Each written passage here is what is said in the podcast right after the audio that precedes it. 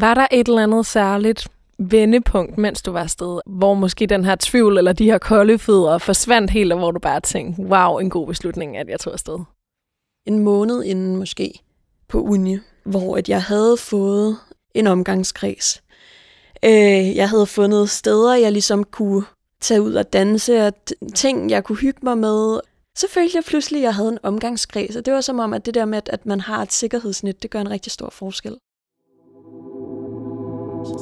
Velkommen til KU Abroad. KU's podcast om udveksling. Jeg hedder Ida og er selv studerende. I den her podcast, der snakker jeg med studerende, der har været på udveksling rundt omkring i verden.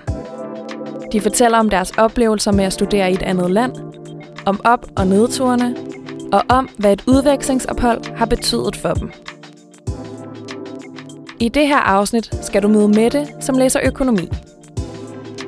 I foråret 2023 var hun et semester i Rio de Janeiro i Brasilien.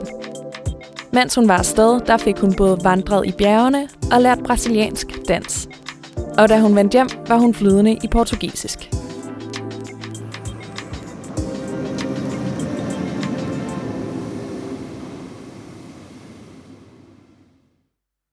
Hvornår opstod den her idé om, at du gerne ville på udveksling?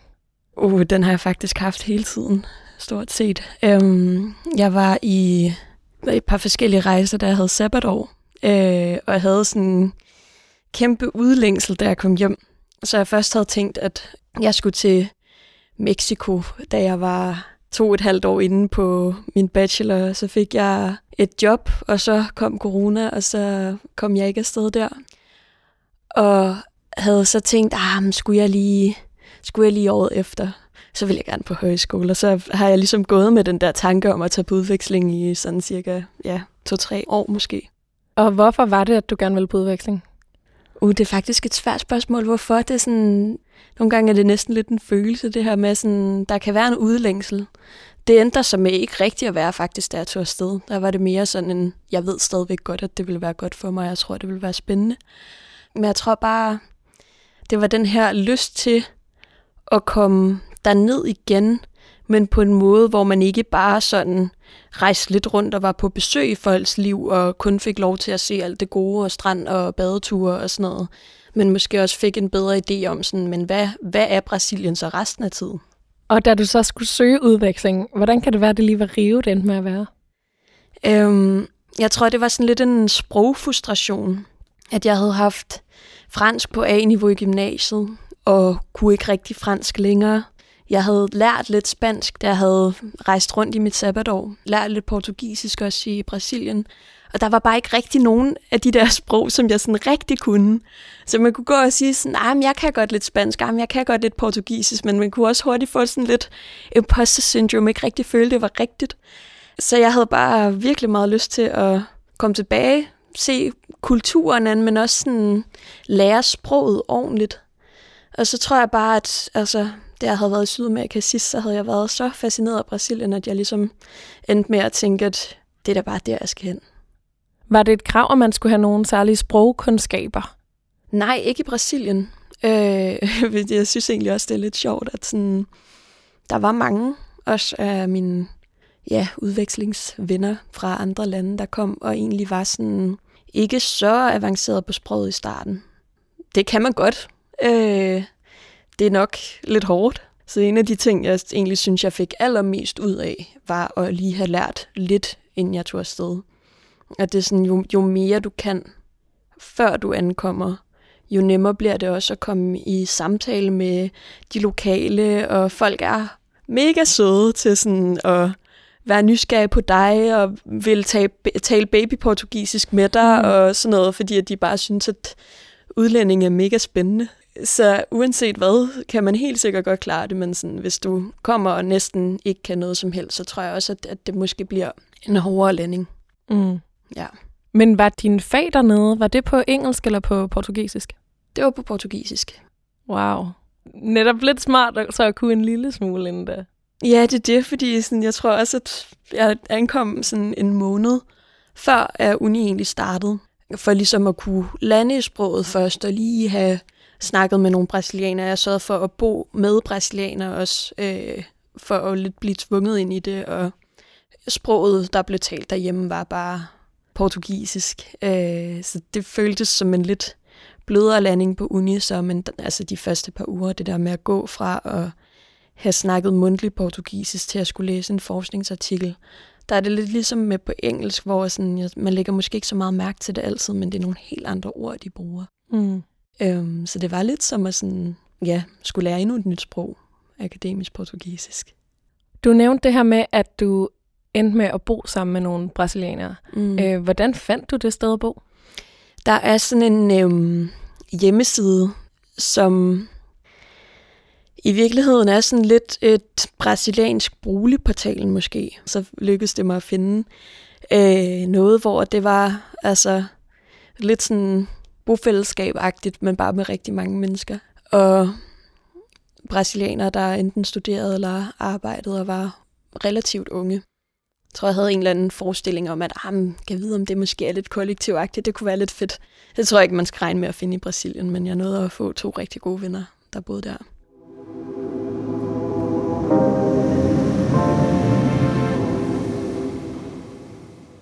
Hvis vi lige spoler tiden lidt tilbage, kan du så huske, hvordan du havde det med at stige på et fly helt alene og øh, træde ud af lufthavnen og skulle finde din lejlighed, og altså, hvordan de her første dage var?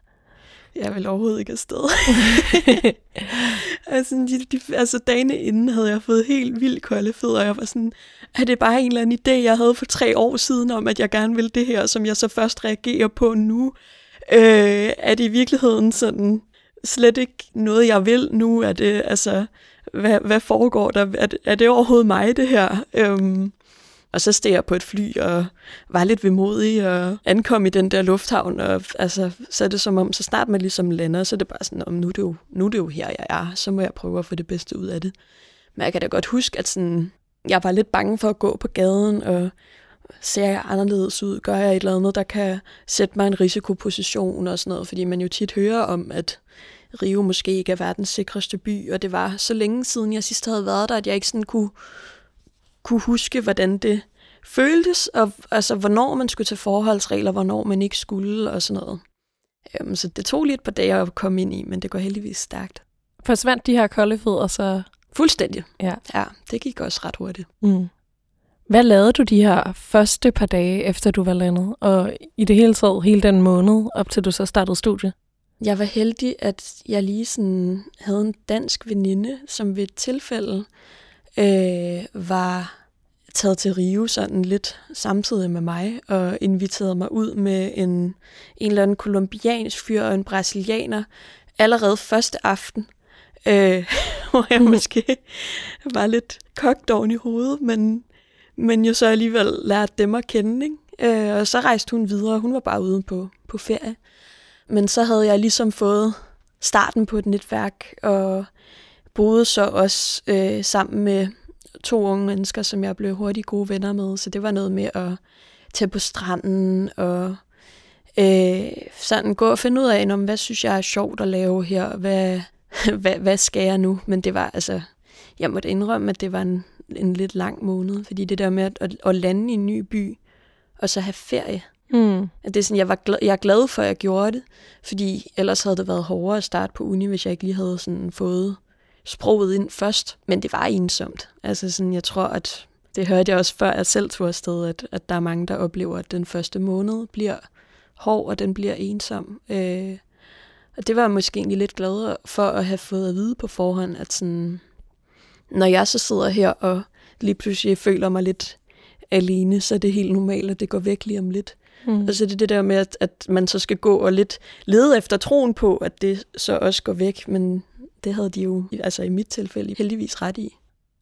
Hvad gjorde du for at ja, få tiden til at gå og lære folk at kende? Mm, altså jeg tror sådan, jeg så meget med øh, de der venner til hende, danskeren, til at starte med, og de der nye venner, jeg havde fået, som jeg boede sammen med.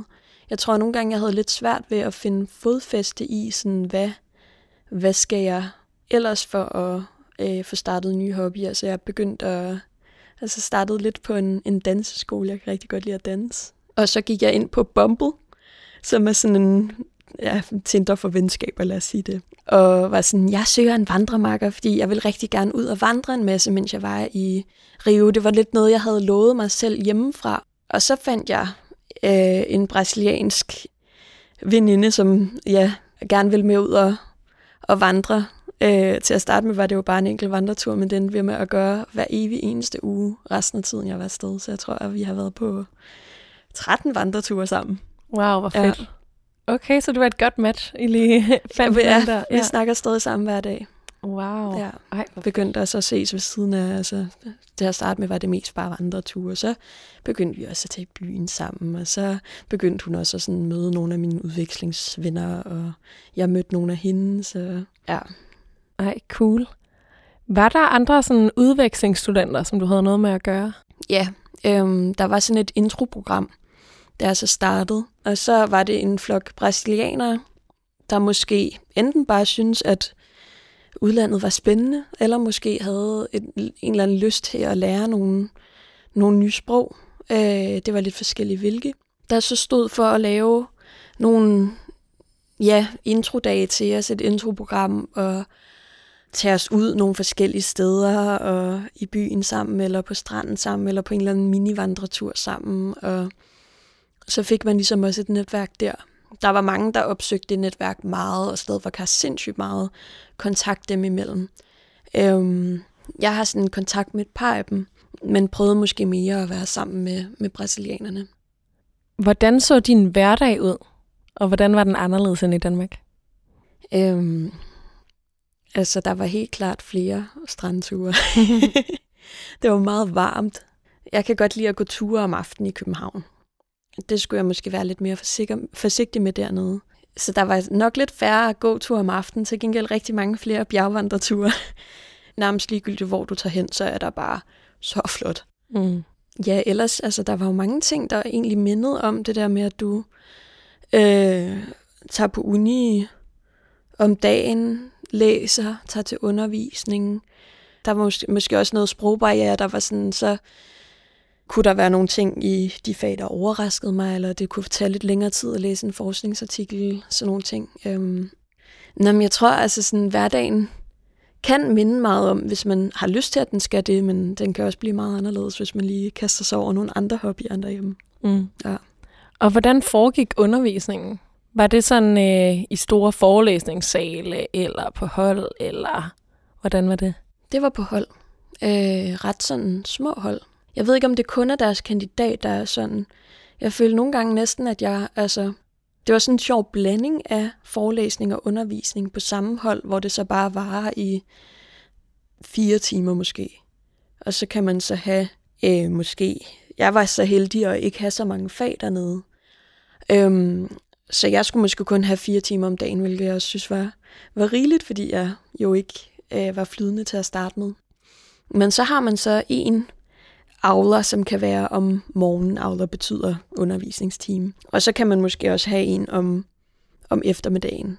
Måske har man kun en i løbet af en dag. Og så dukker man op, og det føles lidt gymnasieagtigt. Så står der en lærer og fortæller om nogle ting på nogle slides, men der er også rigtig mange, der sådan byder ind og har holdninger til ting og stiller spørgsmål og sådan meget klasseundervisningsagtigt, hvor du også har sådan semi-mødepligt og bliver bedømt på din deltagelse og den slags. Havde du også sådan opgaver, I skulle aflevere løbende? Mm, nej, først og sidst. Ja.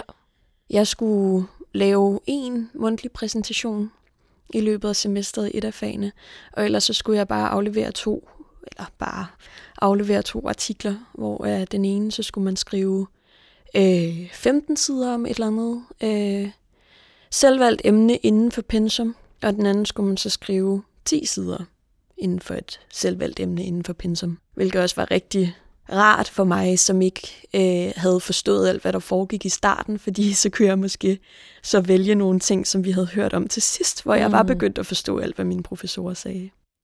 Ja, fordi var det ikke helt vildt svært at sidde der og så skulle have økonomifag på et sprog, man først lige er i gang med at lære? Jo, øh, jeg, jeg skulle faktisk ikke rigtig have økonomifag dernede, fordi jeg havde meldt mig på nogle fag, som de så ikke udbød.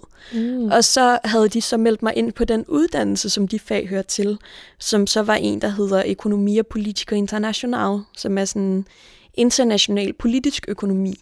Og jeg havde tænkt, om det var da stadigvæk sådan økonomisk institut, noget den dur, men det var meget kvalitativt, meget sådan om geopolitik og øh, forholdet mellem magt og penge. Måske lidt mere over i noget statskundskabsagtigt og lidt mindre øh, tal og øh, ja, hardcore økonomi, som, mm.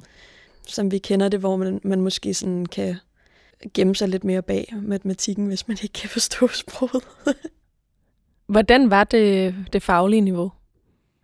Jeg kunne godt mærke, at det var svært i starten, fordi der var en sprogbarriere. Men jeg kunne også mærke, at sådan, man kunne egentlig, når den sprogbarriere var væk, så kunne jeg også sagtens følge med. Øhm, men jeg tror måske også, at jeg levede lidt i sådan en lykkelig blindhed over for alle de ting, jeg så ikke havde forstået. Øh, og ikke rigtig vidste, hvad det var, jeg ikke vidste. Det var måske egentlig meget, meget rart. Så nu kan jeg sidde og sige, at det gik jo fint alt sammen. Øh, men jeg vil ikke sige niveauet, som sådan var lavt på nogen måde. Altså, der var ret mange spændende emner og ting, vi lærte, og jeg synes, jeg fik meget ud af det. Hvad var din erfaring med, med sproget? Hvor hurtigt gik det, og hvad gjorde du for at lære det? Til at starte med gik det meget stærkt. Øh, stejl læringskurve. Hovedpine hver aften. Mm. altså, det var, det var hårdt. Mm. Det var rigtig hårdt. Øhm, på en fed måde, synes jeg, det der med sådan, man kan virkelig mærke, at en hjerne er på overarbejde, når man står og snakker med en, og man kan mærke sådan, klokken 4 om efter, eftermiddagen siger de et eller andet til en, siger noget, der minder om, om klokken 11 om aftenen, men klokken 4 om eftermiddagen kunne man godt forstå det, og klokken 11 om aftenen er det som om, at der ikke er mere hjerne tilbage. Mm. Øhm, så det er det der med, sådan, når du øh, øver dig i princippet 10 timer om dagen, øh, uden næsten selv at gøre noget for det, så længe man ligesom finder sig nogen, som, som vil snakke med en, ikke? så går det bare virkelig stærkt. Var der et eller andet særligt vendepunkt, mens du var afsted? Altså, hvor, hvor måske den her tvivl eller de her kolde fødder forsvandt helt, og hvor du bare tænkte, wow, en god beslutning, at jeg tog afsted? Ja, det tror jeg faktisk, der var. Jeg tror aldrig nogensinde, jeg havde kolde fødder, mens jeg var der. Det var ret tit, jeg havde det hårdt og havde hjemmevæg. Øh, men aldrig på en måde, hvor jeg nogensinde sådan gik i gang med at overveje, om jeg skulle tage hjem. Jeg var sådan, altså det tænkte jeg bare, det var en del af det. Selvfølgelig længes du efter det, der er nemt og velkendt, når alt ligesom er lidt uoverskueligt. Øhm, men jeg synes helt klart, at sådan en måned inden måske på uni, hvor at jeg havde fået øh, en omgangskreds. Jeg var begyndt at tage ud og vandre med hende, Debo, der er min veninde. Øh, hun var begyndt at lære mine andre venner at kende. Jeg kunne begynde at trække dem med på vandreture også. Øh, jeg havde fundet steder, jeg ligesom kunne tage ud og danse, og ting, jeg kunne hygge mig med, og begyndte også at finde ud af, sådan, det tog egentlig lidt tid at finde ud af, at der også var nogen fra mit universitet, fra sådan min egen undervisning, som jeg havde noget til fælles med. Så sådan, så følte jeg pludselig, at jeg havde en omgangskreds, og det var som om, at det der med, at man har et sikkerhedsnet, det gør en rigtig stor forskel. Ja.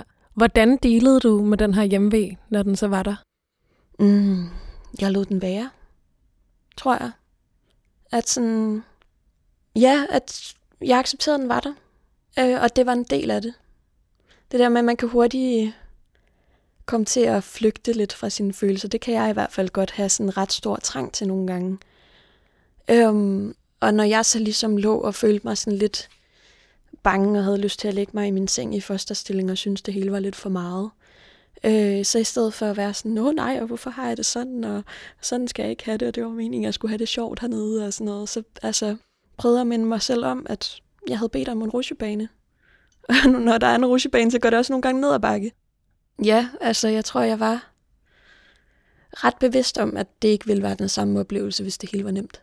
Mm. Øh, så ville jeg øh, ikke, nok ikke få lige så meget ud af det. Og det var en rar ting, så ligesom at kunne minde sig selv om, at det er okay, du er her. Det er okay, du ikke har det godt lige nu. Og så har du det måske om en uge. Hvis der går to uger, så overlever du også det.